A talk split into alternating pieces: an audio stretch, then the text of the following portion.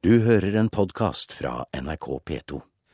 Riksantikvaren sier altså nei til å prøve ut en brannhemmende lakk på trekirker. Og dette på tross av at det har vært nesten 50 kirkebranner på 11 år, og nå kommer reaksjonene. Det brenner i gjennomsnitt mer enn fire kirker i året. De siste elleve åra har det vært 48 kirkebranner her i landet. Hver tredje brann starter utvendig. Å gjenreise hver kirke koster flere titalls millioner. Verre er at uvurderlige kulturskatter går tapt. I går fortalte NRK om en brannhemmende lakk som kan forsinke branner med opptil én time.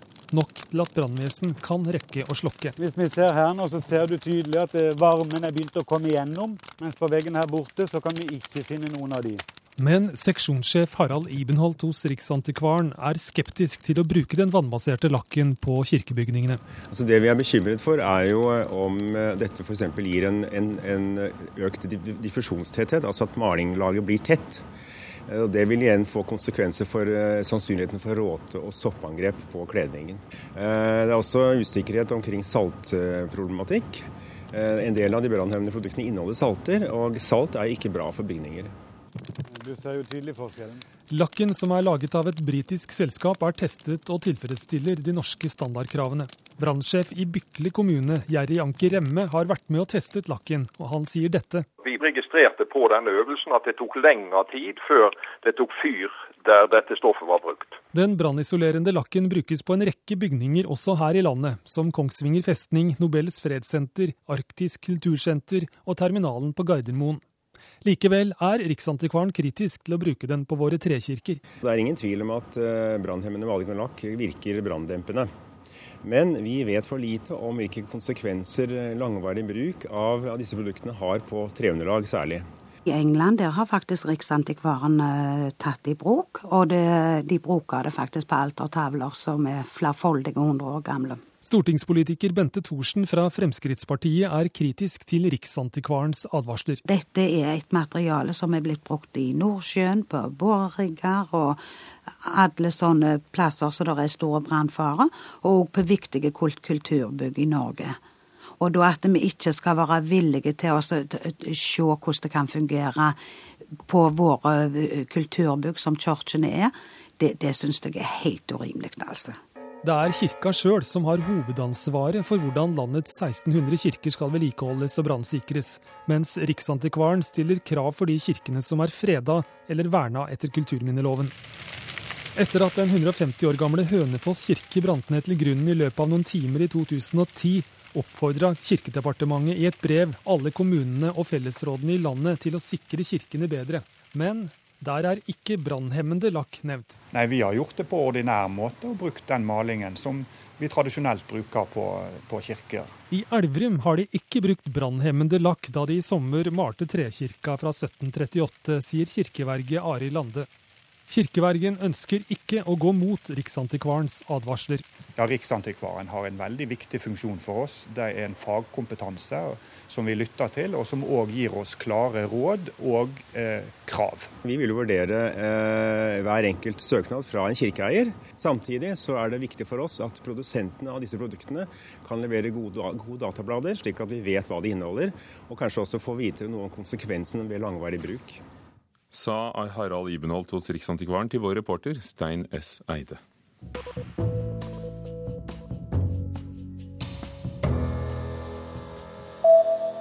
Investor Arthur Buchardt vil bygge nytt Prøysenhus til 100-årsjubileet i 2014, og har lagt planer for et nytt hus som han ønsker å bygge ved Prøysenstua i Hedmark. Dette skriver Hamar Arbeiderblad. Buchardt vil samle kjente personer for å lage en nasjonal markering av Prøysen-jubileet, og på et møte i juni om planene deltok også finansminister Sigbjørn Johnsen. Nasjonalbiblioteket har tidligere avslått planer om en nasjonal markering av Alf Prøysen. I november vil Riks-TV lansere en snarvei til VGTV for alle som kjøper deres nye TV-boks, og dermed kan avisens TV-tilbud sees på nettopp TV. Også nye fjernsynsapparater fra Samsung vil komme med en egen snarvei til VGTV, og en lignende tjeneste finnes allerede hos bredbåndselskapet Altibox. Leder for VGs TV-tilbud, Thomas Magnus Hønningstad, sier til ja, VG at de vil være med i kampen om sofaen. Og Skipsted er på vei fra å være et medieselskap til å bli en digital markedsplass. Det mener journalist og tidligere redaktør i Stavanger Aftenblad, som i likhet med, med VG er en Skipsted-avis, Sven Egil Omdal ifølge Klassekampen. Skipsted skal kutte utgiftene med 500 millioner kroner. Omdal tror selskapet vil satse ved bl.a. å utvide rubrikkannonseportalen finn.no. Det skal fortsatt handle om medier og digitale medier. En ny kringkastingssjef må kunne mye om nye medier, mener flere folk i mediebransjen vi har snakket med. I går fortalte Hans Tore Bjerkås at han gir seg som NRK-sjef etter seks år, til våren. Vi ser, hvis vi legger telefonen her, og så skal vi på det, han fester mikrofonen på jakken før han går ut av venterommet og inn i Dagsrevyens studio for å snakke om sin tid som kringkastingssjef. Dere kan egentlig komme inn eh, nå, så kan dere bare sitte i studioet ditt. Da er det intro først. Med Bjerkås avgang starter jakten på en ny leder for landets største mediebedrift. Og den nye lederen må ha kunnskap om nye medier, mener en rekke eksperter NRK har snakket med. Det er klart eh, Digital kompetanse kommer til å bli kjempeviktig. Da Bjerkås tiltrådte som NRK-sjef for eh, fem-seks år siden, så var det jo knapt noen som hadde hørt om Facebook. Det sier Knut Kristian Hauger, redaktør i Kampanje. Men jeg tror allikevel ikke man skal hente inn en, en IT-direktør som ny NRK-sjef. Jeg tror man fortsatt man skal følge tradisjonen med å gå og se i egne rekker. Han ser gjerne for seg en kvinne i sjefsstolen. Man har jo tidligere hatt en, eh, en nyhetsdirektør på NRK som heter Anne Aasheim. Og har et godt inntrykk av eh, sjefredaktøren i Bergens Tidende, Trine Eilertsen. Hun har jo også god digital forståelse og kompetanse gjennom eh, mange år i Skipsted-systemet. Og vil man sikte skikkelig høyt, så kan man kanskje rette en henvendelse til Kristin Skogen Lund. Førsteamanuensis i journalistikk ved Høgskolen i Oslo, Arne Krumsvik, vil ikke spekulere i hvem som bør få jobben. Han ser også for seg en kringkastingssjef med kompetanse på nye medier, men det er ikke nok, mener han. Uten å kjenne kringkasting ordentlig, så vil det være vanskelig å kunne gjøre en god jobb i NRK. Jeg syns det vil være veldig, et veldig risikabelt valg å velge en person som kun har greie på nett. Kommunikasjonsrådgiver Lasse Gimnes ønsker seg en kringkastingssjef med sterke lederegenskaper og politisk teft, i tillegg til kunnskap om digitale medier. I og med at NRK står foran mange utfordringer, ikke minst hva omhandler eh, lisensen. Det å lede NRK er ingen enkelt sak. Det er mange sterke personligheter der. Det er mange tøffe tak. Da må du være en sterk leder. Og du må også ha ikke minst veldig stor kompetanse på det nye Media-Norge og de nye mediatrendene, og ikke minst det digitale. En forståelse for nye medier er en del av kompetansen styreleder i NRK William Nygaard ser etter når han skal ansette en ny kringkastingssjef. Også såpass at man er villig til å gå inn han er satt i forkant og utvikle hva dette innebærer. Men det viktigste er tross alt hva disse mediene skal ha av program og innhold. Og det er den, den overordnede kompetansen som, som, forventes. William Nygaard, styreleder i NRK, til reporter Eirin Venås Sivertsen. Å gjøre en vindmøllepark om til kombinert energi- og skulpturpark er drømmen til kunstner Ole Martin Lund Bø. Han viser frem forslag fra ti kunstnere på oljemessen ONS i Stavanger, med håp om å finne mulige samarbeidspartnere. Men at kunsten vil få vindmøllemotstanderne til å snu, har han ingen tro på. Her er alle plakatene presentert på noen plater. Kunstneren Ole Martin Lundbø er på en av verdens største olje- og energimesser, nå som kurator for et uavhengig kunstprosjekt. Det handler om kunst på vindmøller, og Lundbø har fått plass bakerst i en av messehallene på ONS i Stavanger. Dette er jo Ann Katrin eh, November Høibo. Hun foreslår å lakkere hele vindmøllen i en spektral lakk. Eh, det får en slags effekt som man gjenkjenner fra, fra biller i naturen f.eks., eller, eller fluer eller olje på vann.